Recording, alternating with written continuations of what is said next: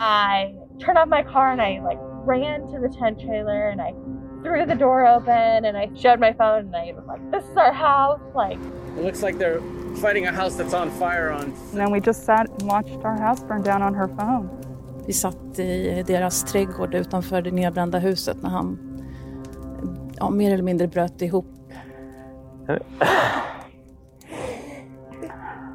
And that was really, really helpful for us.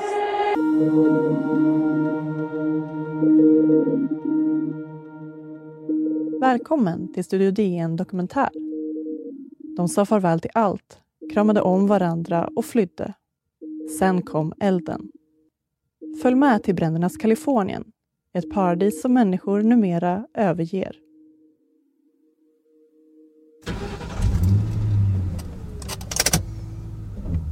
Det var den fjärde evakueringen på fyra år.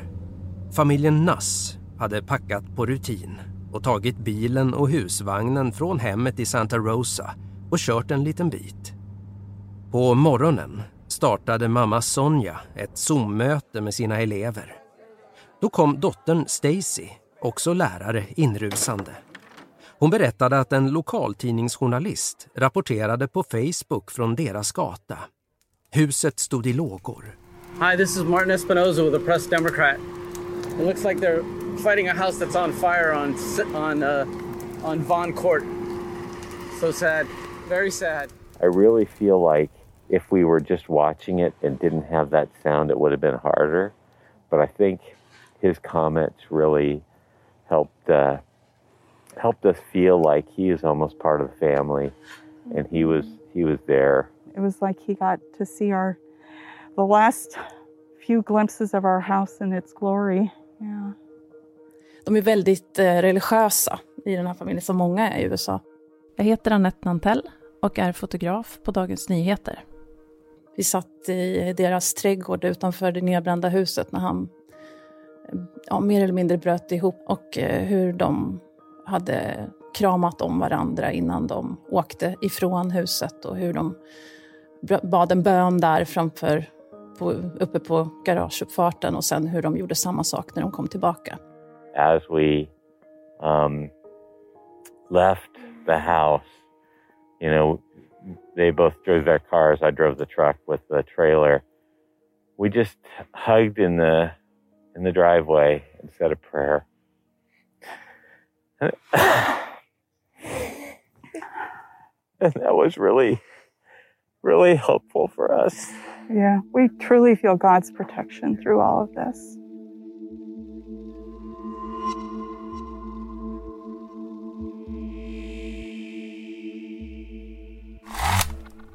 Detta är alltså Kalifornien. Slutmålet i ett land som byggts på strävan västerut. Här hägrade guldet i Sierra Nevada och glamouren under palmerna vid Stilla havet. Hit emigrerade människor från hela världen för att skapa sig en bättre framtid. Kalifornien blev nästan för bra för att vara sant. En stormakt i USA med närmare 40 miljoner människor och stora ekonomiska, teknologiska och kulturella tillgångar. Silicon Valley, Hollywood. När Sonja Nass var skolflicka i Florida gjorde hon ett elevarbete om delstaten på andra sidan USA. Efter lärarutbildningen flyttade hon västerut och träffade Paul Nass, född och uppvuxen i Kalifornien. Men något har hänt med den amerikanska drömmen. Oh, California and the American dream. I wow, it's it's really changed. I work with a lot of um, Hispanic students, and during the um, when Obama was president, I think they felt respected and they felt safe. He, there's so many elements, so many layers of things that are going on. Um, there's concerns about the climate, the homeless, and you know, it just it just goes on and on. I don't really know where to begin. I really feel like we need to get back on focusing on the climate in the long run to help the younger generation have a future. Det var i mitten av augusti som extremhettan slog till i Kalifornien igen. I Death Valley nådde termometern upp till 130 grader Fahrenheit eller 54,4 grader Celsius. Det var den varmaste temperaturen som uppmätts i dalen sedan rekordåret 1913. Det gamla värmerekordet har ifrågasatts av experter så kanske var det den varmaste temperaturen på jorden någonsin. I norra Kalifornien härjade torr åska med blixtar som fick marken att spraka. Inom kort var den värsta brandsäsongen i mannaminne ett faktum. En septembermorgon var himlen över storstaden San Francisco dovt brandgul eftersom röken från bränderna hindrade solens blå strålar. I 30 dagar i följd var luften ohälsosam att andas.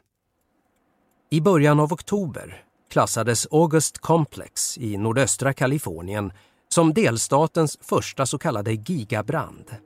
Samtidigt återvände människor till förödelsen efter eldsvådorna runt Santa Rosa. Hur ska vi beskriva spåren av katastrofen? Jag upplever att folk har en mörkare framtidstro idag av de vi träffade. Och man pratar mycket om klimatet, att det har blivit mycket längre heta perioder. Förr var det kanske en vecka med extremhetta. Nu har det ökats på till nästan en, närmare en månads eh, extremhetta och bränder över väldigt stora områden. Så att jag tror... Eh, och sen har vi pandemin också påverkat väldigt mycket hur folk mår där.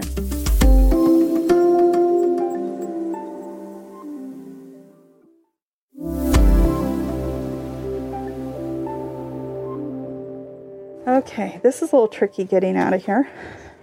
Be careful, kids. Well, this is the room where we had many family celebrations, mostly Christmas. We would keep our Christmas tree right here. Um, Paul loves.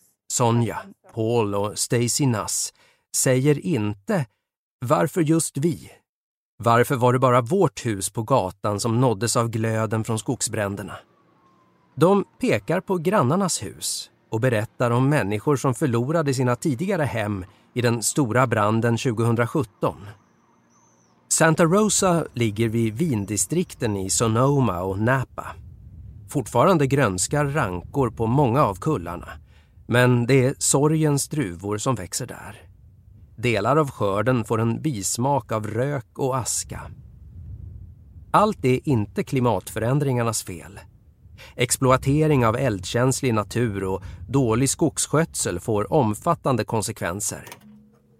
We ran our air conditioning a lot this summer and we've just gradually seen things get hotter and drier. And if you look at the air quality and the fact we had to have done something to cause this. The five worst fires have happened just in the past year. So there's something there and there's a really bad mixture of elements in the climate that are causing that.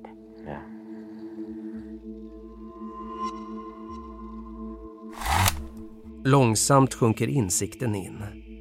Kalifornien är inte längre drömmarnas land. Medierna har börjat rapportera om klimatflyktingar i den välbeställda delen av ett av världens rikaste länder. Ordvalen kan diskuteras. Drömmen har blivit kompromissen lyder en rubrik i Washington Post. Under förra året var det fler som lämnade delstaten än som valde att flytta dit. Hösten 2020 är Kalifornien varmt, dyrt, polariserat och infekterat. På restaurangen Su Casa i Santa Rosa berättar servitrisen Lisette om stamkunderna som kom häromveckan och tackade för sig. Nu skulle de följa flyttströmmen bort från Kalifornien. Livet i väster hade blivit för osäkert. Surfaren S rynkar pannan på väg upp från stranden i Pacifica med en bräda som havets kraftiga vågor har brutit itu. Hon säger att den amerikanska drömmen alltid bara har varit nåbar för några få. Bruce skrattar medan han ställer in kameran för att fotografera dottern Leslie i nationalparken Death Valley. Han är musiker och kan inte ge konserter på grund av coronaviruset. Det blir mindre pengar, men mer frihet. Han säger att man får bära drömmen inom sig, även om den förblir en utopi. Det republikanska partiet har levererat presidenter från Kalifornien i modern tid. Richard Nixon, född och uppvuxen i Orange County, lämnade Vita huset i vanära 1974. Men Ronald Reagan, Hollywoodskådespelare och guvernör i Kalifornien, förblir ikonen. Även på det senaste partikonventet i augusti hyllades han. Men hans gamla delstat utmålades som outhärdlig. Det mest dramatiska inlägget kom från kampanjmakaren Kimberly Guilfoyle som tidigare varit gift med Kaliforniens demokratiska guvernör Gavin Newsom och nu är flickvän till Donald Trump Jr. Hon beskrev Kalifornien som en plats av enorma rikedomar, omätliga innovationer och obefläckad natur. Nu omvandlat till ett land med heroinnålar i parkerna, upplopp på gatorna och strömavbrott i hemmen. Också detta, att vara måltavla, tär på folk i Kalifornien. Ja, det var väldigt annorlunda. Jag eh, var där förra året med min familj eh, som turist och eh, tyckte det var helt fantastiskt. Ehm, och nu när vi kommer tillbaka, eller jag kom tillbaka, så kände jag bara, men vad är det här? Vad har hänt? Gatorna var helt fulla, kan man säga, av vissa, i vissa kvarter åtminstone, av hemlösa. Ehm, folk som mådde väldigt dåligt, drogpåverkade, eh, nästan som tältläger runt vissa eh, gator. Och eh, butikerna var igenbommade med masonitskivor. Eh, man såg i princip inga vanliga människor när man gick på gatorna så det kändes både lite läskigt och, väldigt oroande eh, när man såg hur det såg ut. Det blev ju tydligare liksom, när det inte rör sig turister och vanliga människor i området att det är så många hemlösa. Yeah, yeah, hi. And your name? Your name? Cody. Cody, I'm Sonia. Sonia, I'm so Yeah. sorry your place here. Yeah, thank you. Thank you. Well, right now we En man kommer förbi. Han känner egentligen inte familjen Nass, men han bor längre ner på gatan och brukar gå förbi med hunden. Han är bara en i raden av grannar som vill stötta. USA må vara splittrat, men grannskapet i Santa Rosa är förenat i sorg och omsorger. Några av familjens goda vänner dyker upp med lunch. Det blir en picknick i trädgården mellan redwoodträd och ruiner. Under måltiden skämtar de om att flytta till östkusten. Vad är värst? Bränder eller stigande havsnivåer? På sikt är det inte bara Kalifornien som hotas av den globala uppvärmningen. Enligt ProPublica och New York Times kan bränder, hetta, torka, ökad luftfuktighet, sjunkande grundvattennivåer och stigande havsnivåer rita om USAs karta och få miljontals människor att söka sig nya hem. Paul och Sonja Nass börjar med att hyra en bostad tillfälligt. Kanske bygger de ett nytt hus på den eldhärjade tomten. Kanske åker de någon annanstans. I don't I don't know. We, we I don't know if I really want to stay. You go through so many emotions and so many things. And the one thing that we've heard again and again and again from all the people is give it some time. Don't rush to make any decisions right now. You know, short term, I think we'll be fine. Long term, whether we rebuild this, whether we move to another area, we just we have not decided at this point. You know how they say when one door closes, another one opens. So we're just trying to figure out where that door is going to be. Uh, we're not sure yet where it's going to be at this point.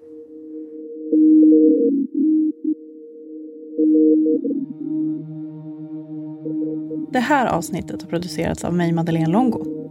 Exekutiv producent var Augustin Erba. Klippen från tidigare Studio DN var producerade av Sabina Marmelakai och Sanna Thorén Björling hade intervjuat fotografen Annette Nantell på Dagens Nyheter.